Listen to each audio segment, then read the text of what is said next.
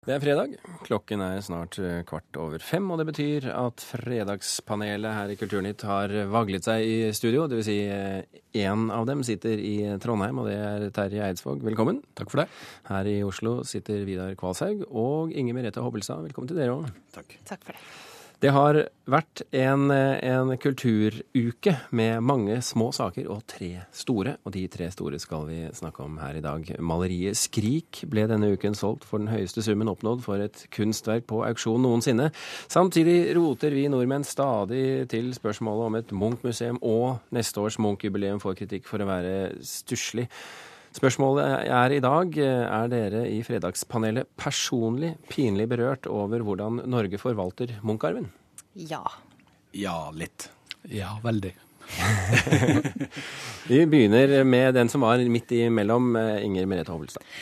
Vel, jeg tenker vel at her ser vi på en måte demokratiet på sitt uh, verste. Det er jo rent som man begynner å ønske seg litt lett opplyst enevelde til noe litt sånn uh, litt mer Versailles-aktig, eller kanskje noe litt mer kinesisk. Der er de ganske flinke til å si sånn nei, her skal det være en flyplass, og så går det to måneder, og så ligger, ligger flyplassen der. For det er jo, det, det er på en måte litt sånn naturlige og egentlig ganske sunne mekanismer i samfunnet som gjør at dette bare har låst seg så fryktelig til. da. Altså Det er jo dette med at det er, det er kommune mot stat, og så er det et, en flora av partier hvor mer enn ett må ville en ting for at dette skal gå, og så går det jo ikke. Og resultatet er at noe som febrilsk trenger et løft, aldri får dette løftet, og det er fryktelig leit. Eh, Eidsvåg, eh, personlig eh, veldig pinlig berørt. Forklar. Ja, det handler mest om Oslo og Munch. da. Salget klarer ikke jeg å hisse meg oppover. Nei, vi snakker om museet og nettopp, jubileet. Og, og ser nå, nå i dag det, det, betydelige amerikanske nyhetsmagasinet på nett, Slate, har en av sine toppsaker 'Was Edvard Munch a one hit wonderer?' Og hvor de skriver også at de tror ikke det er mange utenom nordmenn som vet navnet på et annet bilde av Munch. Uh, og da tenker jeg at her har man virkelig skusla bort muligheten til å, til å gjøre denne en av våre største kunstnere så stor også utenfor Norge som han burde, burde ha blitt utover akkurat denne auksjonen. Den, den, det største kunstverket om Munch, og den beste filmen om han er laga av en engelskmann, uh, uh, Peter Watkins. Uh, så det er en lang rekke med, med norsk lokal lokaliseringsdebatt og hestehandel som har endt veldig ille for, for Edvard Munch sitt, sitt arbeid. Idar Kvalsheim, du dro litt på det mer? Ja, jeg mener det at det er forhistorien som er det aller mest pinlige her. Altså det at Oslo kommune fikk en gave. De fikk den gratis. Og de skjønte ikke da at det kom til å koste dem dyrt. Eh, og jeg tenker at eh, det at eh, Skrik ble stjålet to ganger, i 94 og 2004, var kanskje det beste som har skjedd Munch i så henseende. For da ble vi i hvert fall oppmerksom på hva slags verdi, pengeverdi det var i ham. Og nå skal vi snart bli oppmerksom på hva slags uh, kunstnerisk verdi vi sitter med. Det har jo sannelig endt opp som en, nok en lokaliseringsdebatt, men annet er ikke å vente i Norge. Inger Merete, jeg, jeg spurte jo eh, spesifikt uh, om du ble personlig pinlig berørt. Hvordan, hvordan, hvordan har du det med det? Oi. Nei, altså man kan jo bli Altså det er jo noe med å se bare ting som, hvor det åpenbart finnes fornuftige løsninger. ikke sant? Kjøre seg fast. Så er det noe med at man får en sånn Man får nesten lyst til å Og dette høres mer hybrisaktig ut enn det er ment. Man får jo lyst til å gå inn og bare stable og ordne og bestemme selv. Og så selvfølgelig så ville man vært fanget i akkurat samme hengemyra. Man hadde kasta ut i et så hodeløst foretagende. Hobbelstads opplyse eneveldet. ikke sant? Men jeg så hendene dine begynte, å, hendene dine begynte å gå så det slo litt borti mikrofonen. ja. Ja, det er sånn Jeg strekker meg etter rikseplet og septeret her. Nei, men når det gjelder f.eks. museet, så er det åpenbart at her er det jo mange løsninger som er mulige. ikke sant? Altså det er Enten det er å oppgradere, bygge ut Tøyen og gjøre det til et eh, moderne, lett tilgjengelig museum, eller det er Lambda, eller det er et av de andre alternativene i den konkurransen som jeg personlig kanskje ville synes vært bedre, men som nå blir vanskelig å hente frem igjen. Altså forskjellige andreplasser i den konkurransen og sånn. Nå, altså, nå, er vi inne i det igjen, og merker du hvordan vi har begynt å snakke om, eh, om alle de forskjellige mulighetene? Ja. Mm. Og ingen, det er blir noe. Men det, det, faktisk, hvis man skal ta dette til et sånn eksistensielt nivå som jeg tror Munch ville satt pris på. Dette er jo hva man sier er en av de store dilemmaene ved det moderne livet. altså Nemlig at det er for mange dører å gå gjennom. Det er for mange spor. Og et av problemene våre som enkeltmennesker og som institusjoner er rett og slett å velge hvilken dør man skal gå inn, og hvilke andre dører man da skal lukke. Og her er det jo for store problemer både med å velge dører og med å lukke det. Eidsvåg, får du også sånn følelsen av at du burde eh, fremme et opplyst enevelde? Nei, ikke akkurat det. Men jeg tenker nå på i, i Trondheim så har vi nå Nidarosdomen, og den står der. Og de fleste i, som er innom Trondheim, er innom den. Eh, og det, det, er utrolig synd at ikke flere, også nordmenn, selv om nu, amerikanske nettaviser tror at det er bare nordmenn som kan noe om Munch, men også, om Munch, men også at ikke flere nordmenn har et bedre forhold til den arven og den gaven han etterlot seg, syns jeg er, er trist og opprørende. Det som også er leit her, er jo at Munch er jo virkelig en av disse kunstnerne som er så umiddelbart tilgjengelig, som har sånn umiddelbar punch i det du ser bildene hans. Altså det er, Som med mye stor kunst, så har det det at det både har, utløser en slags sånn spontan reaksjon i deg, og at det tåler nærmere granskning. da, At det fortsetter å gi jo mer man studerer det, leser om det, ser på det osv. Og, og dette gjelder jo så mange av hans klassiske motiver, altså sjalusi, vampyr osv., som er velkjente for nordmenn, men ikke så kjente eh, kanskje ute i verden. Så her har du jo også dette dette store formidlingsoppdraget da, som noen eh, burde følt litt mer på, kanskje. Det kommer nok en eller annen gang eh, ned eh, down the road, som det heter. Eh, vi går til neste spørsmål. Vi kommer ikke videre her, tror jeg. Vidar Kvalshaug spratt ikke opp og ville si noe, så da sier vi takk i denne omgang. Gå på spørsmål nummer to. Vikingskipene forblir på Bygdøy. Denne uken konkluderte en ekspertgruppe med at det er for risikabelt å flytte skipene til et eventuelt nytt museum i Bispevika innerst i Oslofjorden. Men hvor Universitetets kulturhistoriske museum skal ligge, og hva, og om noe skal bygges til Vikingskipshuset på Bygdøy, det er det fortsatt helt i det blå. Spørsmålet i dag er, og vi kan begynne i Trondheim, er Norge utenfor Oslo snart fed up av lokaliseringsdebattene i hovedstaden? Ja. Ja, vil tro det. Ja, også vi som bor i Oslo er fed opp av disse lokaliseringsdebattene. Vi begynner i Trondheim, i Eidsvåg. Hvordan eh, ser eh, Oslo-lokaliseringsdebattene ut derfra? Eh, jo, eh, jeg syns kanskje Munch er verre enn en vikingskipssaken. For den tror jeg også handler om noe som stikker videre enn Oslo, nemlig det at vedlikehold, forvaltning og bevaring er på en måte litt usexy ord i forhold til den type store, krevende gaver som både Munch-samlinga og vikingskipene er. Og jeg aller mest forskrekka over meldingene om at eh, de her skipene er i ferd med å nærmest forvitre. Eh, så prisen på det og, hvert år sette av kostnaden på det på en måte å ta vare på eh, for ettertiden, sånne unike historiske ting som det, det, det er nok noe som ofte forsvinner i de årlige kampene om å få nye satsinger inn på budsjettene. Ja, og I denne saken eh, med vikingskipene og det museet, så, så ser vi akkurat det at uh, noe som vi ikke ser så ofte ellers, nemlig at man tar direkte hensyn til kunsten fremfor en lokaliseringsdebatt. Her har man uh, sittet i mange år og visst at det er et par titalls tonn med knekkebrødlignende gjenstander man har med å gjøre.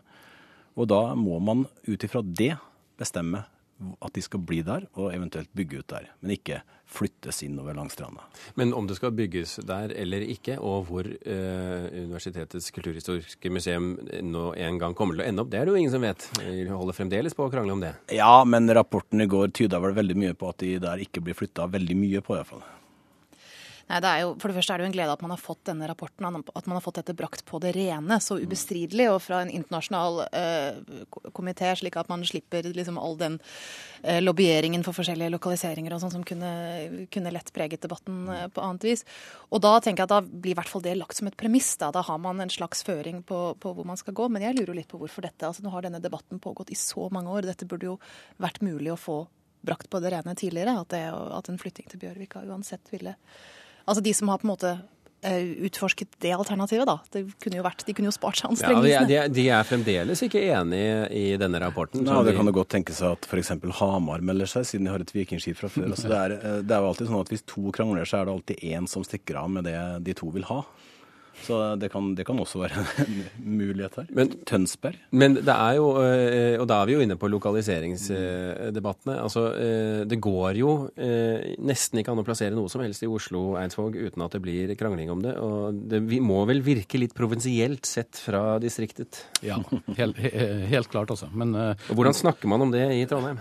Nei, Hva, hva, var det, hva, var det, han sa, han eh, nynorskmannen? Hvor, hvor, hvorfor er Oslo-folk så dumme? Eh, eh, men eh, nei, man, snakker ikke så mye om vikingskipene, men jeg er mest opptatt av at det, det ikke er færre som får sett den. Nok en gang som, som er Munch, så er det noe med at å sitte på en nasjonalskatt er faktisk en stor forpliktelse. Uh, og det å få, få, få, det her ut til, til folket, uh, det er det som er mest fortvila i forhold til, til, til, til også den saken her, sånn som jeg ser?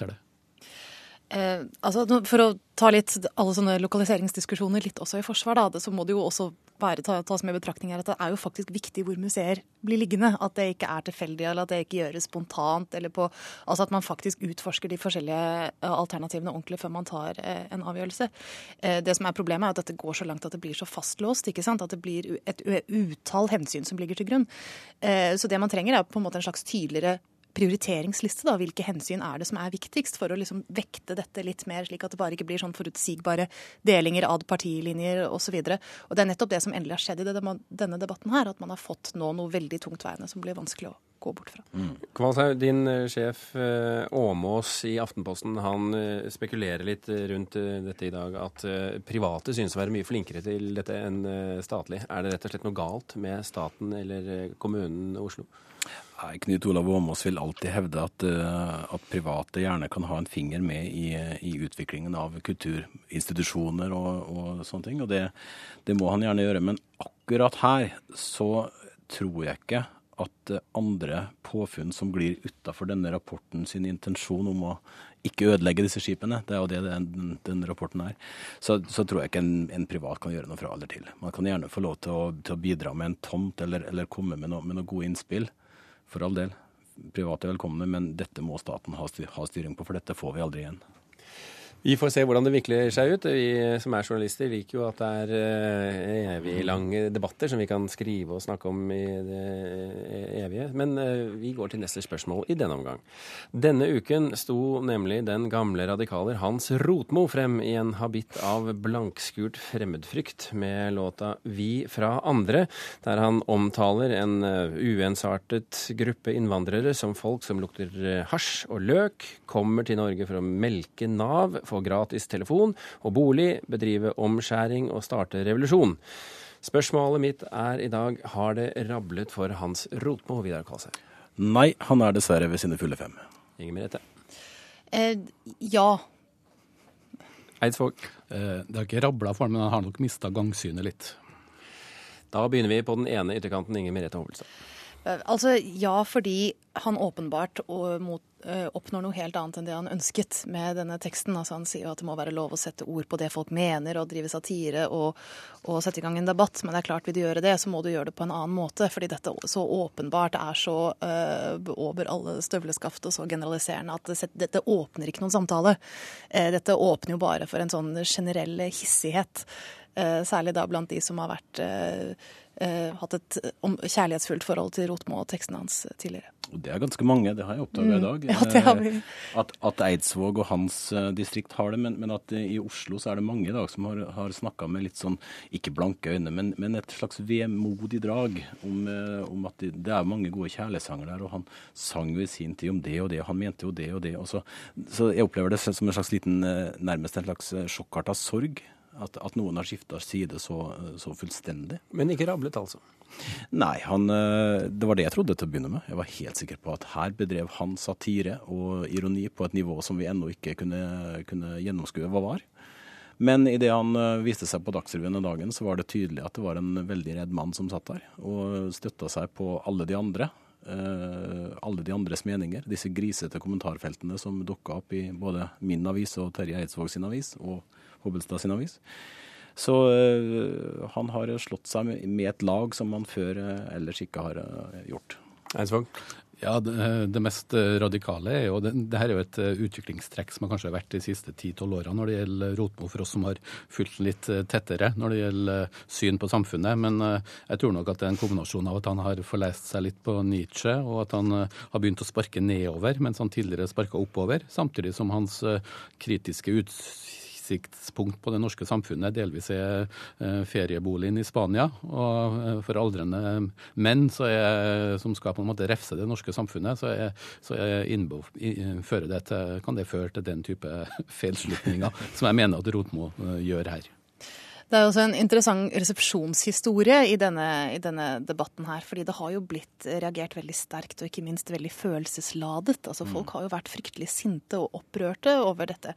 Og, og jeg for min del har lurt litt på hvor dette, hvorfor det er blitt så emosjonelt. da, Hvorfor folk hisser seg sånn opp over det. Jeg er ikke særlig provosert. Jeg tenker mer at dette er, det er lavmål, på en måte. Det er plumpt, men det er ikke viktig eller betydningsfullt uh, på noen måte. Uh, men jeg tenker at dette, har, dette er en sånn særegen skuffelse, da. Altså jeg tenker det er litt sånn man oppdager at livet var ikke hva man trodde det var. Folk man kjente godt var ikke det man trodde det var likevel. Altså det, er, det er litt som om Jeg tenker at for, for, en del av de som reagerer sånn veldig nå, så er det litt som å oppdage at ektefellen har vært utro, eller at en venn har løyet for deg i mange år. Det er liksom den følelsen av at noen man trodde man visste hvor man hadde, har man ikke der likevel. Og det tror jeg er litt sjokkartet for noen. I Ida Kvalsei, du, du, stiller spørsmålet en, i en kommentar på eh, Aftenposten Nett i dag. Eh, hvor er du, Åge Aleksandersen? Ja, jeg tenker at uh, hvis Rotmo og hans meningsfelle Terje Tysland og kanskje uh, Jeg skulle til å si jeg priser meg veldig bra, eller veldig lykkelig over at ingen ringte til den uh, mest løse kanonen i DDE den dagen. fordi det er jo lett å gi en kommentar i, på en telefon til en journalist som, som jo da, jeg kan være litt enig med Rotmo, ikke sant, og så pisker man det enda mer opp. Så jeg tenker at, at her har trønderrocken og, og, og, en del av landet som, som, har vært veldig verdifullt, fått seg en liten skrape med, med, med to av deres, to av deres uh, midterste har eh, stilt seg på den sida her. Og begge to er vel delvis bo, bosatt i Spania, Terje, er det ikke sånn? Jo, det stemmer, stemmer vel det. Så, men det er jo helt klart der at eh, det er helter som eh, i noens øyne blekner, mens de i andres øyne på en måte sier det som det er. Som det er mange, mange, av de som faktisk også har slått ring om Rotmo på kommentarfeltene i bl.a. min avis har gjort. det. Men det som overrasker meg mest, kanskje, er at Rotmo som og jeg har skrevet nærmest en lærebok i hvordan han skriver sangtekster. på en måte at han, Jeg syns han slurver så mye. Det er ikke noe sluttpoeng i den sangen her. det er på en måte, eh, men, Han er frekk, og, og der, men det, det, i, i, forhold også til hans egen mal for hva som er en god tekst. Men sluttpoeng, Eidsvåg, skal du få av meg nå, for Kulturnytt er nemlig slutt. Og der må jeg takke deg og Inger Merete Hobbelstad og Vidar Kvalshaug for at dere var med i dagens fredagspanel.